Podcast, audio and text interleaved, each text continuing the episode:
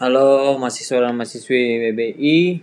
Pada kali ini kita akan membahas tentang cara pembayaran dalam perdagangan internasional atau ekspor impor. Nah, apabila adanya perpindahan barang dari si penjual kepada si pembeli, maka kita juga mengetahui bahwa pasti adanya pembayaran. Nah, di slide yang pertama Transaksi perdagangan internasional itu ada ekspor ada impor. Si eksportir itu wajib melakukan penyerahan barang dan dia juga berhak menerima pembayaran, sedangkan si importir wajib melunasi pembayaran dan dia berhak menuntut penyerahan barang yang dibeli. Pada bagian yang berikutnya, karakteristik dalam pembayaran perdagangan internasional ini berbeda dengan karakteristik pembayaran secara langsung kalau misalnya bertatap muka. Mengapa berbeda? Karena ada empat faktor yaitu mata uang yang berbeda, terpisah geografis, terpisah geopolitik, hukum dan peraturan juga sangat-sangat berbeda. Nah, dalam perbayaran perdagangan internasional ini ada dua jenis, yaitu yang pertama adalah non letter of credit atau non LC dan yang satunya lagi adalah letter of credit atau LC. Nah, dan non letter of credit ini dibagi atas tiga, ada advance payment, ada open account, dan ada collection. Nah, sedangkan LC itu menggunakan letter of credit sebagai metode pembayaran. Kita mulai saja membahas yang pertama yaitu advance payment. Nah, advance payment ini adalah metode transaksi perdagangan internasional yang mengharuskan importir membayar kepada eksportir sebelum barang yang di, di, diperdagangkan itu dikirim. Jadi, si importir itu membayar kepada si eksportir sebelum barang itu dikirim. Jadi kita membayar dulu baru barang itu dikirimkan. Nah, eksportir dan importir bertemu, negosiasi, kontrak jual beli dan menyetujui pembayaran di muka sebelum barang dikirim. Cara pembayaran yang sederhana dan murah karena tidak melibatkan bank devisa. Namun sangat-sangat riskan bagi si importir karena dia sudah bayar dan barang itu baru dikirimkan setelah pembayaran. Jadi dia harus menunggu dan resikonya harus diimban sendiri oleh si importir. Nah, advance payment ini ada tiga model, yaitu yang pertama adalah payment with order, yaitu eksportir mengirimkan dana yang termasuk ke dalamnya harga barang, ongkos angkut, asuransi dan biaya lain kepemilikan barang sudah atas nama si importir. Yang kedua ada partial payment with order. Itu adalah importir hanya membayar harga barang saja, biaya angkut, asuransi, dan biaya lain ditagih setelah eksportir mengapalkan barang tersebut. Dan yang ketiga, yang terakhir, yaitu adalah payment on document. Itu adalah importir mengirimkan uang ke bank, eksportir dapat mencairkan apabila telah melaksanakan pengapalan barang atau penyerahan dokumen pengapalan. Di dalam bagian advance payment, itu mekanisme pembayaran advance payment itu yang pertama adalah eksportir dan importir bertemu membuat kontrak dengan informasi jenis, jumlah, harga, metode pembayaran, dan cara pengiriman barang. Lalu pembayaran sebagian atau seluruhnya dapat melalui bank atau langsung dengan menggunakan cek.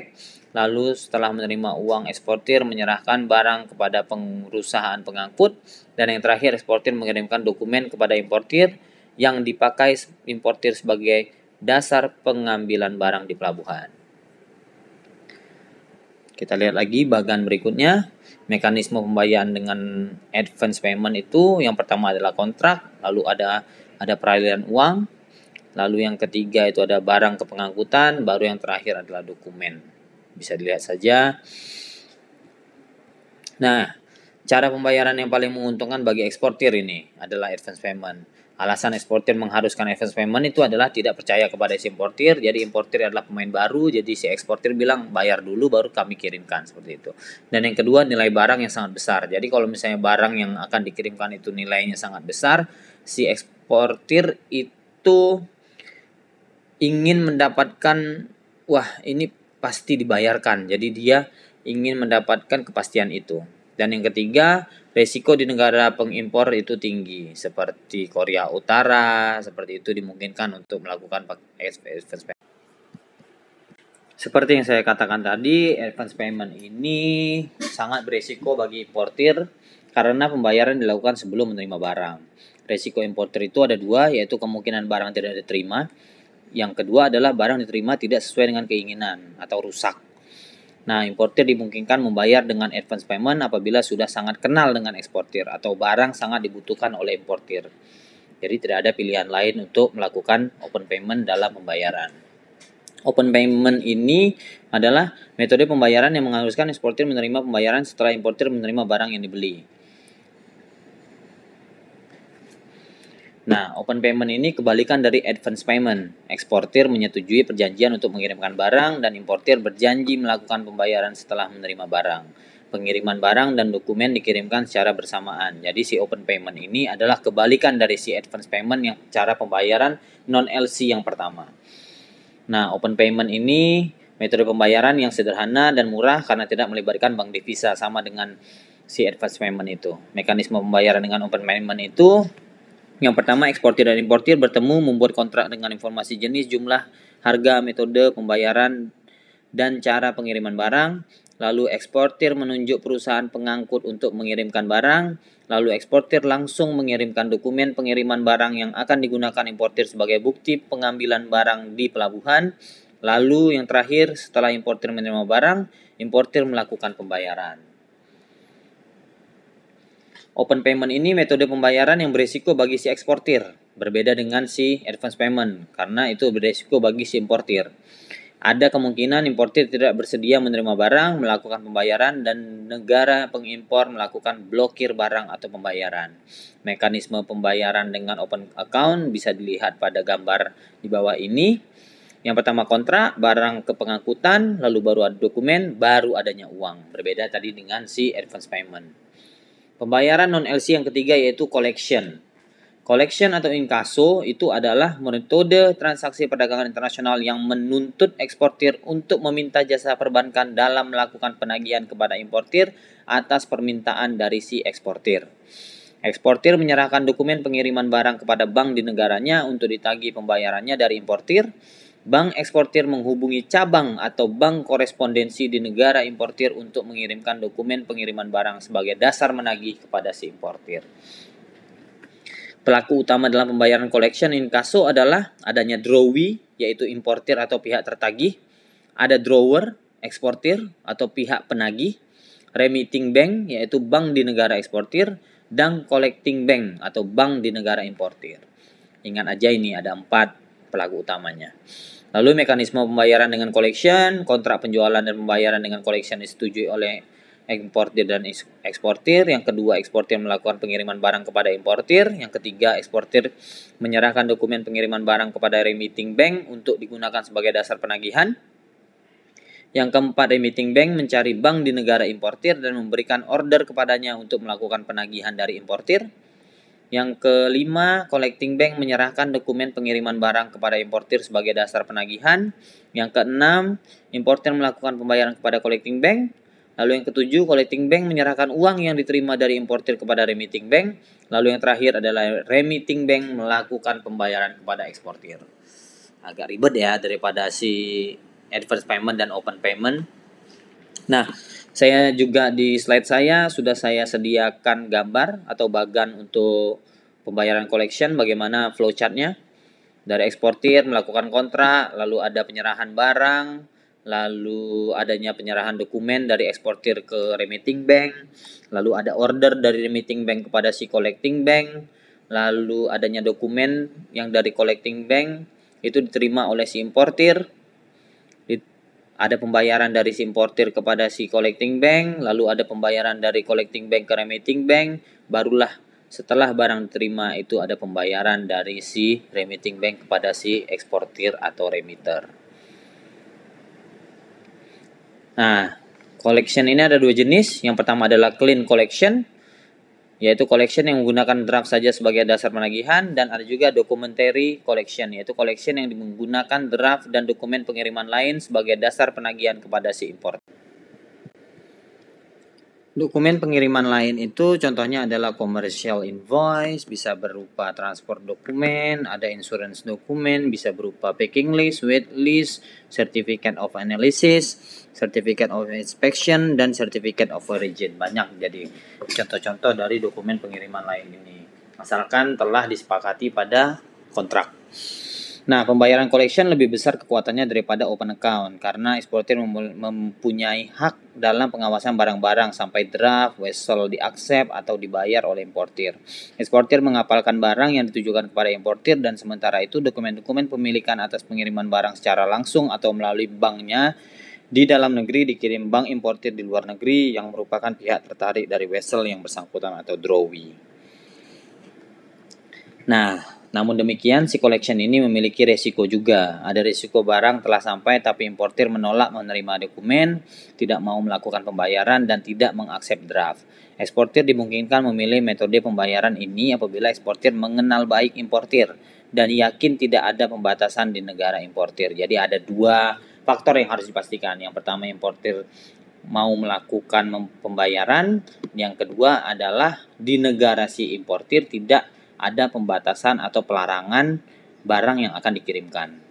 Keuntungan-keuntungan yang diterima importir dari pembayaran collection ini adalah tidak perlu menyetor sejumlah uang untuk menjamin pembukaan LC.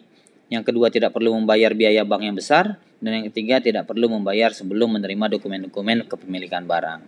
Nah, sekarang kita akan beralih ke metode pembayaran yang paling sering dipakai dalam kegiatan perdagangan internasional atau ekspor impor yaitu pembayaran letter of credit. Nah, letter of credit ini adalah cara pembayaran yang paling ideal karena resiko bagi eksportir dan importir dapat dialihkan pada bank.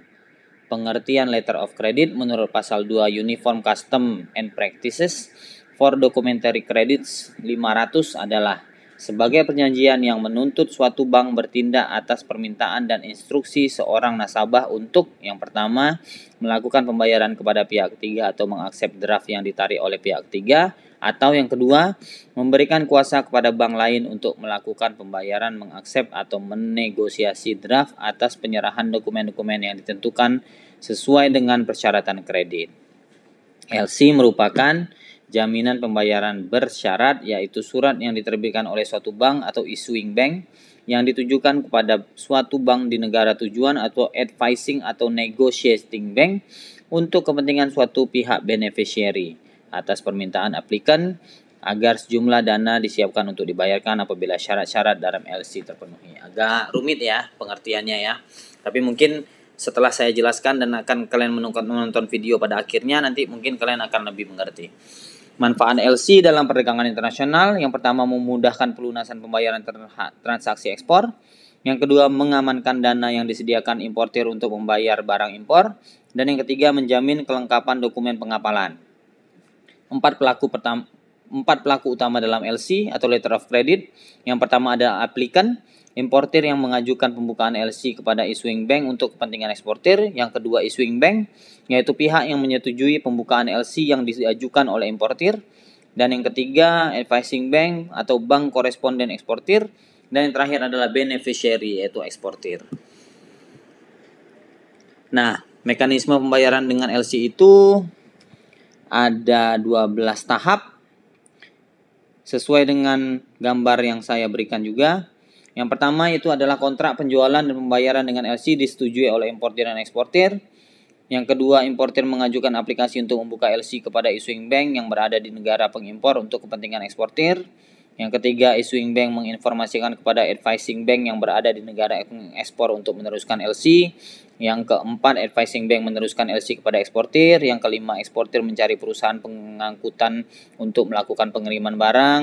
Yang keenam, perusahaan pengangkutan menyerahkan dokumen pengiriman barang kepada eksportir. Yang ketujuh, eksportir menyerahkan segala dokumen yang ditentukan dalam persyaratan LC kepada advising bank. Yang kelapan, advising bank memeriksa semua dokumen yang diterima dan melakukan pembayaran kepada eksportir. Yang kesembilan, advising bank mengirim semua dokumen LC kepada issuing bank. Issuing bank menyerahkan dokumen kepada importir untuk diperiksa dan digunakan sebagai dasar pengambilan barang di pelabuhan. Dan yang terakhir adalah advising bank meminta pembayaran kembali dari issuing bank atas uang yang telah dibayarkan kepada eksportir.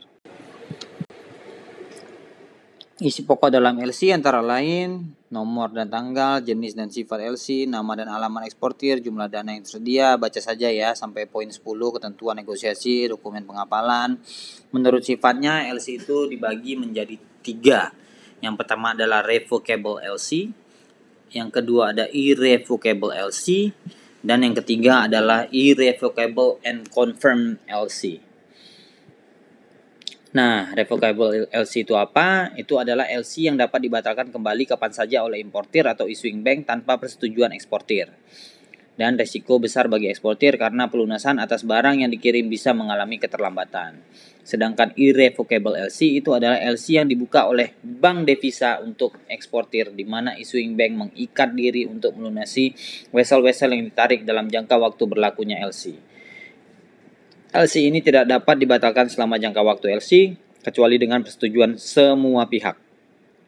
Dan yang terakhir, irrevocable and confirm LC itu memiliki sifat-sifat tidak dapat dibatalkan atau dirubah selama jangka waktu berlakunya kecuali mendapat persetujuan dari semua pihak. Yang kedua mempunyai jaminan pelunasan berganda atas vessel atau penyerahan dokumen pengapalan yang diberikan oleh issuing bank bersama advising bank.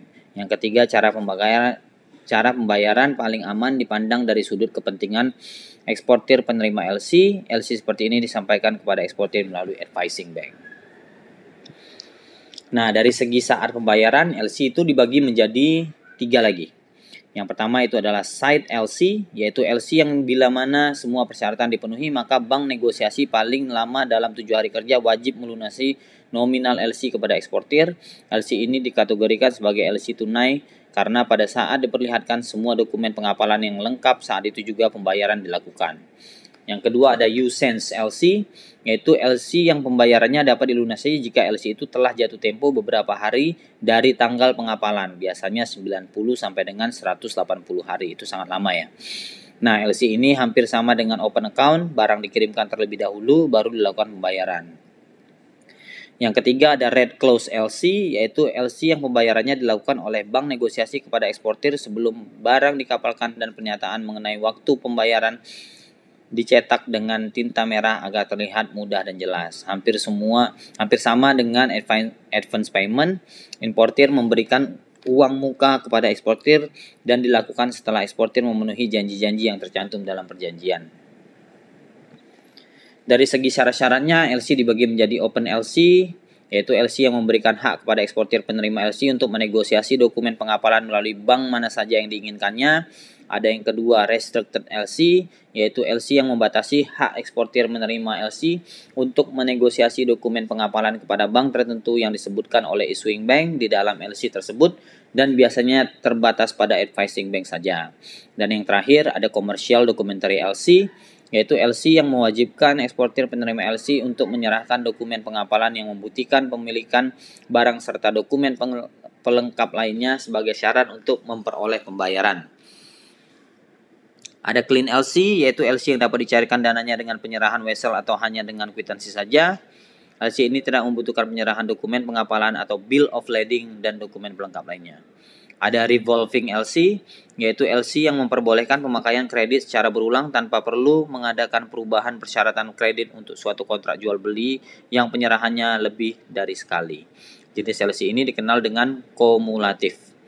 Back to back LC yang nomor 6 yaitu adalah LC yang diaplikasi oleh seorang eksportir untuk eksportir lain dengan menggunakan LC yang diterima dari importir sebagai jaminan karena eksportir tidak mampu memenuhi pengiriman barang yang diminta atau apabila ia bukanlah eksportir yang sesungguhnya.